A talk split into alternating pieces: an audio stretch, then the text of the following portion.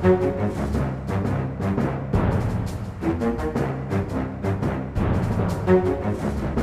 men Kjempefint. Da har vi en eh, liten ekstra podkast. Eh, faktisk, som vi, vi egentlig varsla på torsdag, men, men, uten at vi trodde vi, vi nødvendigvis skulle ha det av denne grunn. Fordi nå er det jo sånn da, at Kjell Ingolf Ropstad har trukket seg som statsråd, trukket seg som partileder. Eh, og eh, dramatikken er på en måte fullendt. Så vi er på plass fra hvert vårt hjemmestudio, får vi kalle det. Eh, det er over Skype. Derfor lyden kanskje er litt sånn eh, mindre silkemyk enn den vanligvis er, fra Trine Eilertsen og Kjetil Asheim. God dag, dag, Trine. God dag, god dag. Jeg, du, jeg har avbrutt søndagsmiddagen, Lars, eh, for å, for å, gjøre dette opptaket. Men jeg kan avsløre at jeg har med meg vinglasset. At det er på sin plass. Eh, du, Kjetil, har du avbrutt eh, Nå ble jeg veldig sånn redd. For at jeg, jeg, jeg bare utsatt den litt. Ja. Litt. Ja, men Det er bra. Min middag, søndagsmiddagen står og, og lager seg selv for øyeblikket. Men uh, ingenting skal stå i veien for å, å diskutere denne saken. Uh, vi får bare ta et lite tilbakeblikk til fredag. For da uh, ble det jo kjent at Kjell Ingolf Ropstad altså, For det første ble det kjent på, på morgenen i en sak i Aftenposten at det var en ny omdreining i dette skattespørsmålet. Hvorfor var det mer alvorlig på, på fredag ettermiddag enn det så ut til tidligere i uka? Nei, Det er jo eh, en, eh, en manøver han gjorde for å slippe å betale skatt på statsrådsboligen som han eh, disponerte. Sånn at forsettet ble så tydelig. Det handlet om å, om å spare, spare skattekroner. Og det Eh, det gjorde hele saken, eh, saken verre for eh, Kjell Ingolf Ropstad, og det, det, skjønte han jo selv også. Ja, for jeg tror altså hvis, hvis, det ikke hadde vært noe mer etter den første saken, der han, ja, han hadde bodd på gutterommet, han hadde ikke hatt utgifter til sitt hjem der han, fra den valgkretsen han kom fra, Eh, og bodde gratis i Oslo, så fant vi jo ganske raskt ut at det gjaldt jo flere. Riktignok han som hadde fått størst økonomisk gevinst ut av det, så vidt vi vet nå i hvert fall. Eh, men det, men det var en litt sånn OK, Stortinget var for så vidt enig i hans vurdering, og skatteetaten det, det var litt uklart, og det gjaldt noen flere, så det var, det var ikke samme samme alvoret, rett og slett. Selv om det ble veldig tydelig at her må det skje noe med, med tydeligheten rundt disse reglene. da. For det kan, kan, faktisk ikke stemme at du ikke skal skatte for en fordel hvis du ikke har noen utgifter eh, der du kommer fra. Men denne saken her, eh, som Kjetil sier, viste et forsett og en intensjon om å finne på egentlig kostnader hjemme på gutterommet og i barndomshjemmet for å unngå skatt. Og dette er jo ikke kostnader som han har hatt, han har jo hatt dette gutterommet tilgjengelig, men nå skal han plutselig betale foreldrenes eh, kostnader knyttet til dette hjemmet, da. Eh, litt sånn eh, kommunale avgifter, og litt sånn som man har når man bor i et hus, for å slippe skatt. Og da, da starter du jo i feil ende. sant? Og da blir det så veldig tydelig at målet ditt er å unngå å betale denne skatten. Eh, og da klarer du egentlig ikke å forklare det. Men det som jo er interessant, er at han kom jo da på pressekonferanse og beklaget det og var lei seg. Og så tror jeg alle lurte på ja, hva nå da? Hva skjer nå? Ja, for var jo, Da var det jo litt sånn eh, beklager og, og sorry, men eh, ja, vi får se. Og han, han sa vel til og med sånn ja, det er opp til Erna Solberg å se om, om, eh, om han har tillit som statsråd videre. Og, og, det lå litt sånn åpent åpen hva som skulle komme. Men så ble det jo eh, klart på, på, fredag kveld at han skulle ha ny, et nytt sånn pressetreff på lørdag. Og da var det i hvert fall litt sånn i, i, i mitt hode at det var sånn Ja, OK, nå Det kan ikke komme bare en ny beklagelse. Nå må det være en ny omdreining. Og da var det jo en del også KrF-ere som, som, gikk ut både i mediene og, og andre steder og var kritiske og sa at det her er ja, det var litt sånn ulike formuleringer, men at det var, var leit og vanskelig. og var et, eh, var et tillitsbrudd involvert. Så, så, det var jo ikke noe stort sjokk da han stilte seg opp på, på lørdag ettermiddag og fortalte at han skulle gå av. Var det det, Kjetil? Nei, det var, det var jo det vi antok. Men uh, vi visste det jo ikke før han faktisk sto der. Uh, og så altså Det han sa på fredag med at uh, ja, det var opp til Erna Solberg å vurdere om han fortsatt hadde tillit, det er det jo for så vidt alltid. Det er alltid en statsminister som vurderer om en statsråd har tillit. Men her måtte han ta ansvar selv. Han er, parti, han er partileder, skal, eller har varslet nå at han skal gå av, men han måtte ta ansvar for sin egen sak. Han kunne ikke dytte den, eh, sine egne problemer over på Erna Solberg, sånn som han i realiteten prøvde å gjøre på fredag. Men kunne Erna Solberg, altså I hvilken grad kan Erna Solberg eh, måtte tuppe ut en partileder? Altså, er, det, er, det, det hele tatt, er, det sånn, er, er, det, mulig å tenke seg et scenario, kanskje bortsett fra direkte kriminalitet? Det er jo noe av det som er eh, altså, vanskelig for henne. Hun uh, har det, altså, KrF er et regjeringsparti. Om hun da skulle sparke ut ham, og i realiteten da også sparke KrFs leder uh, fra lederposisjonen, for det ville jo blitt vanskelig for ham å beholde en hvis, hvis det var hun som bestemte dette. Så han måtte jo ta regi på det, på det her selv. og det, det, var vel det han innså i løpet av kvelden, at dette kunne ikke bære. Men, men det hadde jo kanskje eh, hadde skånet mange for mye hvis du hadde tatt alt i én sveiv. det er klart, men, men sant, det hjelper jo ikke. Det kommer nyhetssaker som viser eh, at eh, sant, SMK, statsministerens kontor, sier at nei, vi har bare forholdt oss til det som skatteetaten har sagt. Og de har gitt oss inntrykk av at uh, du ikke trenger å skatte selv om du ikke har utgifter uh, hjemme. Og så kommer skatteetaten og sier at det var ikke det vi uh, sa, da, har vi misforstått hverandre. Sant? Så det ble liksom, liksom, på vei inn i en diskusjon som ikke gagner verken statsministerens kontor eller Ropstad. Selv om han nok bestemte seg uavhengig av, av det, men det tok jo litt tid, da. For den diskusjonen om, uh, om, hva SMK sa, eller om de hadde misforstått skatteetaten og sånn, det, det, er jo interessant, men det hjelper ikke Ropstad. fordi uansett så står den historien igjen at han prøvde å organisere seg vekk, lage en konstruksjon for å slippe å bidra til fellesskapet. og Det, det tar seg ikke godt ut. Nei, og det er jo et eller annet med å liksom bare prøve seg på den der Jeg betaler kostnadene til mine foreldre.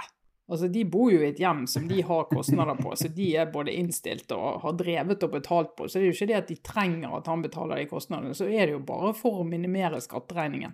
Og uansett hvordan de trinnene ble etter at han syntes at det var en god idé, så er det en dårlig historie. Jeg må jo si da at uh, altså, alt dette hviler jo til slutt på en, altså en statsråd, en partileder, og, og, man skal jo ha all mulig sympati med, med Ropstad som person nå. Men, men, han har jo gitt enormt av makt, både av norske folk og av, og av eh, partiet sitt. Eh, så han, han, er jo ansvarlig for beslutningene. Men altså, der, av og til så skulle man tenke at politikere har liksom et rådgiverkorps og et parti og en sånn disiplinerende folk rundt som skal sørge for at folk ikke går og gjør sånne dumme ting. Og her er det jo litt sånn, jeg får inntrykk av at hvis noen hadde satt sånn derre altså Det må liksom være noen som har visst at han har vært registrert f.eks. hjemme på gutterommet i alle disse årene. Som sier sånn OK, nå skal du bli statsråd. Nå skal vi finne ut akkurat hvilke regler som gjelder. Fordi eh, her er det ikke rom for å slingre noe. Sånn, dette, er en, dette, er store goder som vi får. Altså, dette må være helt riktig. Og det virker det ikke som det er noen som faktisk har gjort. Eller i hvert fall ikke har skjønt hva som er reglene. Og, det, og, det, virker veldig rart uh, at ikke SMK er enda mer At de ikke er helt sånn irriterende nøye på det. sant? At de liksom, okay, Vi må ha dokumentasjon, ting, og det må ikke bare se ut som om du har kostnader, det må være kostnader. altså at de liksom, Og denne delen av loven som handler om at du skal skatte av den type fordeler, da. Som, altså Jeg skatter jo for at jeg får Aftenposten hjem på døren hver dag det avisen jeg liksom er ansvarlig for, og alle skjønner at jeg er nødt til å lese den avisen, men jeg skatter jo for at arbeidsgiver betaler den avisen for meg. sånn er det bare. Og det er på en måte ikke så mye å, å, å gneke på, for det, det, er bare sånn vi lever. Og hvis du da ikke har boutgifter, og så får bo et sted eh, som du ellers måtte betalt for, så er det en fordel som skal beskattes. Og det er nesten ikke til å forstå at ikke det er veldig tydeliggjort eh, hva som gjelder eh, for disse statsrådene før nå skal jo, du skal jo fortsatt ha et system som gjør det mulig å være politiker fra, fra hele landet og komme inn i Oslo og påta deg verv, enten er som statsråd eller uh, sitte på Stortinget. Så det må jo være et system som, som gjør det enkelt og, og, enkelt og greit. Men så er det både disse sakene om etterlønn og stortingsleilighetene og nå Ropstad viser jo at de kunne trengt et sånn lite Nav-kontor for politikere som, eh, som eh, kunne ha orden på regler og orden på kontrollen. Men jeg ser, jeg ser uh, Kristin Clemet, da, hun er jo opptatt av denne saken og har skrevet på Facebook i dag en uh, lang post.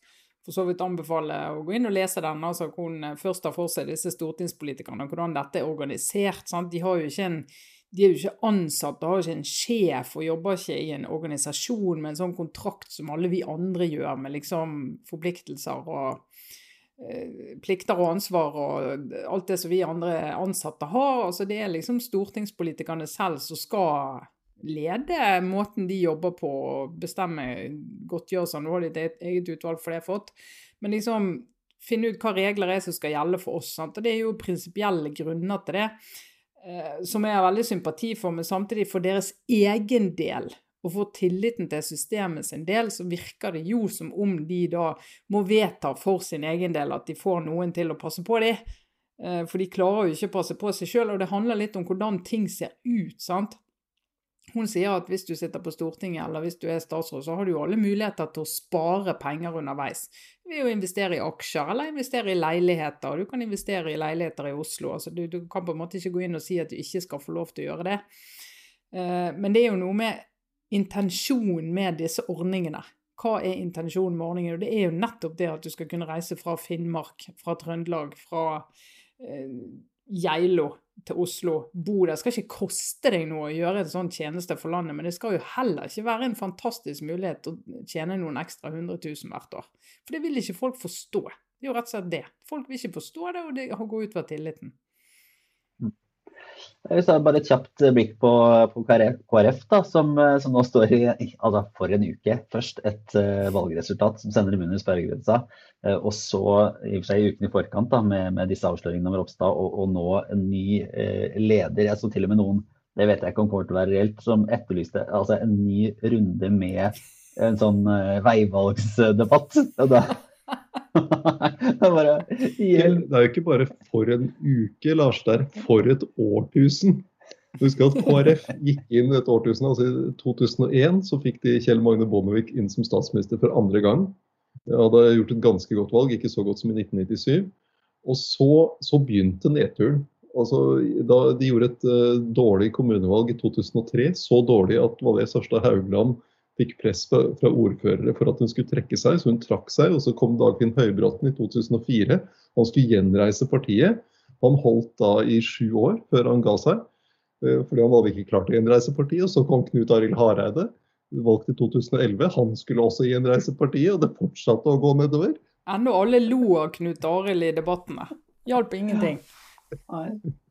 Han var morsom og koselig, men ville, det var stadig færre som ville stemme på KrF.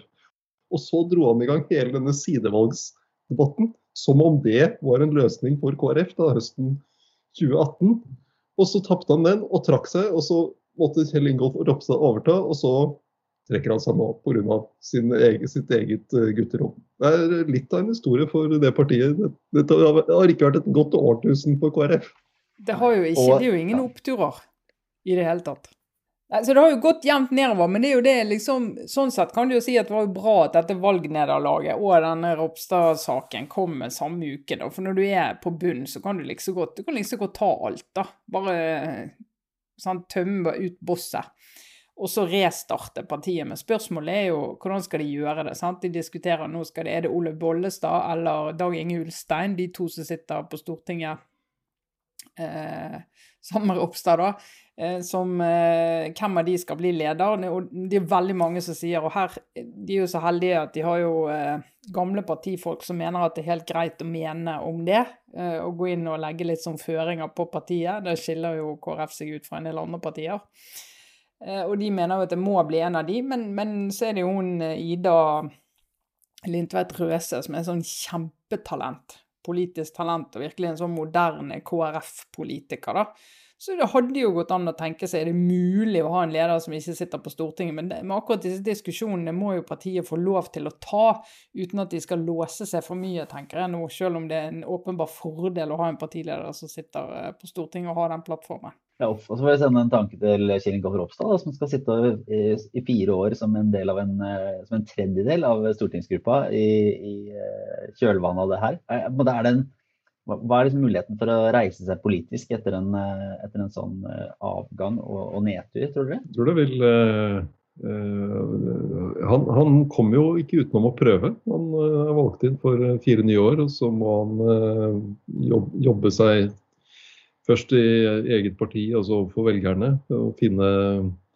en eller annen måte å gjøre det på. Om, men det er klart han har et godt stykke å gå i likhet med partiet sånn for øvrig. Så, men er, altså, jeg tenker at i utgangspunktet så er det jo fordel å det er jo en fordel å ha partilederen på Stortinget. Og så er samtidig KrF nå i en sånn situasjon at uh, kanskje det Hvis fornyelsen ikke finnes der, eller hvis de det å ha en, en, partileder som da kan jobbe utenfor Stortinget og være synlig på den måten, og bygge organisasjonen og prøve å finne liksom, en vei videre, en eller annen mening med livet for KrF, som, som uh, jo KrF trenger å finne. Så ja, kanskje det kan være en, en løsning. Ja. Ja, ja. Vi får se. Vi kommer jo helt sikkert eh, tilbake til dette. Jeg tror vi runder av for denne søndagsettermiddagen og er tilbake utover i uka når det plutselig dukker opp eh, nye høydepunkter, og uansett på, på torsdag, når det er en vanlig, vanlig utgave av podden. Så takk, Men, eh, Trine. Kanskje, ja. en liten, kanskje, en liten, opptur var da for KrF i dag at konen til den kommende statsministeren ble ordinert til prest. Det kan vi jo tenke. Det kan vi jo gratulere med. Ja. Ja. noen, noen, nærmer seg. Ja, men uh, Supert, Trine og Kjetil. Uh, lykke til med søndagsmiddagen og uka for øvrig. Og så er vi snart tilbake. Det var Aftenpodden. Ha det bra.